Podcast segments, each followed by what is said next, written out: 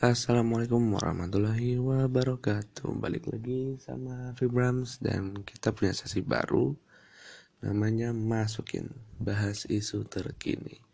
Dan sekarang yang mau kita bahas adalah uh, Soal statement dari Menteri Koordinator Bidang Pembangunan Manusia dan Kebudayaan Pak Muhajir Effendi.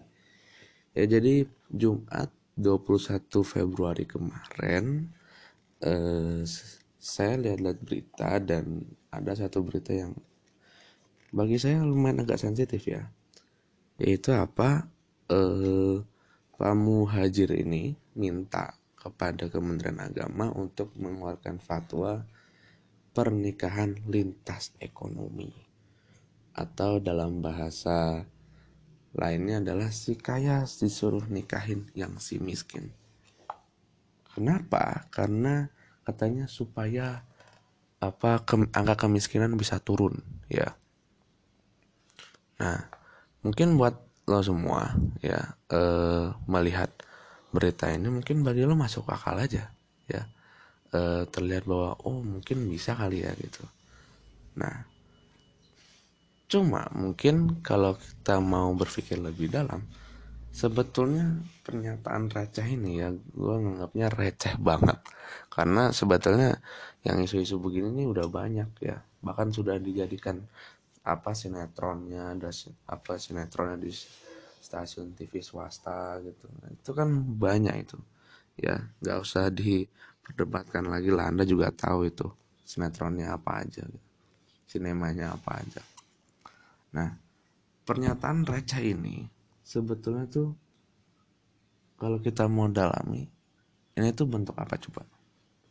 Itu sebagai apa bentuk KO-nya pemerintah buat nangani eh, kemiskinan. Biar bagaimanapun walaupun angka kemiskinan turun tapi tetap karena yang yang turun itu prosentasenya sedangkan masyarakat Indonesia itu akan terus ini apa akan terus berkembang ya. Mungkin dulu jumlahnya jumlah total penduduknya ada 210 nah mungkin tiga atau lima tahun ke depan atau satu dekade ke depan bisa jadi angkanya nambah bisa aja jadi nambah 10, nambah 20, nambah 30, anggaplah gitu. Nah, itu kalau kalau seandainya mereka ngomong bahwa apa e, prosentase turun tapi ternyata jumlahnya naik, jumlah realnya naik, maka yang ada kan bukan prestasi. Karena mereka tidak mampu untuk menahan kemiskinan calon-calon orang-orang miskin baru gitu. Itu. Maka kalau gua nyaranin sebetulnya eh, yang jadi permasalahan itu bukan soal menikahnya. Karena menikah itu nggak nggak jadi ini loh apa tidak bisa tidak bisa menjadi solusi yang tepat untuk memberantas kemiskinan ya kalau mungkin kalau mungkin lo pernah dengar jadi kalau di Sulawesi itu jadi kalau budaya adat sana kalau dari yang dari gua baca itu sama dengar dari orang-orang sana itu kalau orang mau nikah ya kalau laki-laki itu mau nikah selain mahar ada satu yang kemudian e, diajukan oleh pihak keluarga mempelai wanita. Apa itu? Namanya uang panai. Ya. jadi dulu awalnya uang panai ini dibikin ya diadakan sebagai bentuk penghormatan terhadap sang mempelai wanita. Ya sehingga kemudian eh, sang mempelai ini akhirnya mau menikahinya. Tapi sekarang di sana di Makassar sana mungkin Kendari juga sama ya pokoknya daerah-daerah Bugis sana. Itu ternyata sekarang justru seolah-olah menjadi satu yang wajib. Dan banyak ya keluarga mempelai wanita itu yang tahu-tahu mendadak kaya. Karena rata-rata kalau kalau kalau apa kalau melihat datanya kadang-kadang eh rata-rata itu uang panek yang mereka ajukan itu seminimal minimalnya itu setengah m ya. Itu itu baru minimal ya. Ada yang apa nggak adain sawah nggak adain lahan nggak adain rumah nggak adain mobil yang gitu ya. Bahkan uang paneknya tuh lebih gede dari maharnya ya mahar tuh nggak usah mahal yang penting apa eh, bisa dijadikan atau sah menjadi mahar. Nah pertanyaannya adalah kok bisa begitu? Nah itu.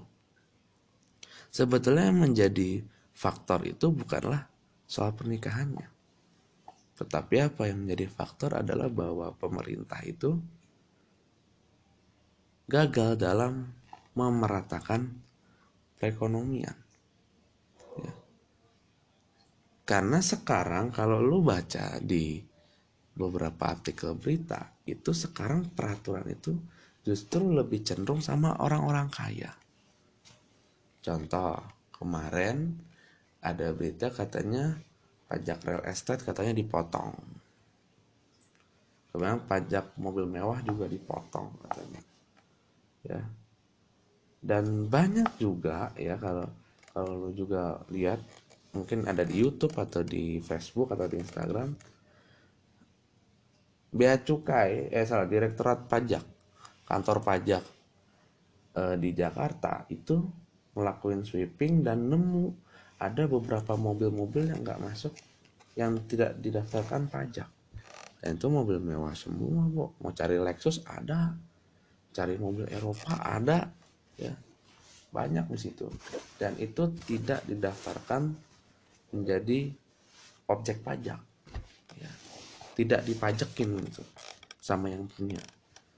Kenapa? Ya tahu sendiri kan semakin mahal mobilnya semakin mahal juga pajaknya. Belum lagi kebijakan pajak progresif. Lebih dari satu mobilnya ada pangkaliannya. Wah itu udah ya. Makanya akhirnya licik mereka tuh. Caranya apa? Mereka taruh di mall. Ya di parkiran mall terus mereka bayar duit parkir berapa gitu. Nah makanya kalau seandainya lu datang ke mall ke mall mana dan lu lihat mobil mewah misalkan lu sering nih misalkan lu emang harian ke mall gitu dan lu lihat ada mobil mewah dan itu dia keparkir di situ aja nah berarti bisa jadi tuh bisa jadi itu mobil mewah yang dimaksud. Mungkin nggak akan di nggak akan kelihatan juga ya sama orang. Mungkin apa di parkiran khusus atau gimana gitu. Ya kembali lagi ke topik bahwa sebetulnya tuh yang jadi permasalahan tuh bukan menikahnya tapi bagaimana e, pemerintah itu memeratakan kesejahteraan. Ya apa yang sebetulnya bikin apa eh, kemudian ada ada ketimpangan ada uh, sekalinya kaya kaya banget sekalinya miskin miskin banget. Kenapa? Karena kesejahteraan tuh nggak diratakan ya. Karena selama ini kita tahunya itu apa kalau teori ekonominya itu kan jadi kelangkaan barang itu eh salah. Uh, harga-harga itu naik karena kelangkaan barang. Padahal sebetulnya barang tuh banyak ya. Cuma ada yang ditimbun ada yang ya rata-rata kasus-kasus penimbunan semua lah nah, kemudian ya ada ada solusi nih. Apa solusinya ya? Kalau dalam Islam ya ada namanya zakat ya. Jadi zakat itu apa fungsi dari zakat itu? Lihat coba di Quran ya. Supaya apa? Supaya harta tuh nggak muter di orang-orang kaya aja. Dan apa? Dan besaran pajak tuh kecil ya.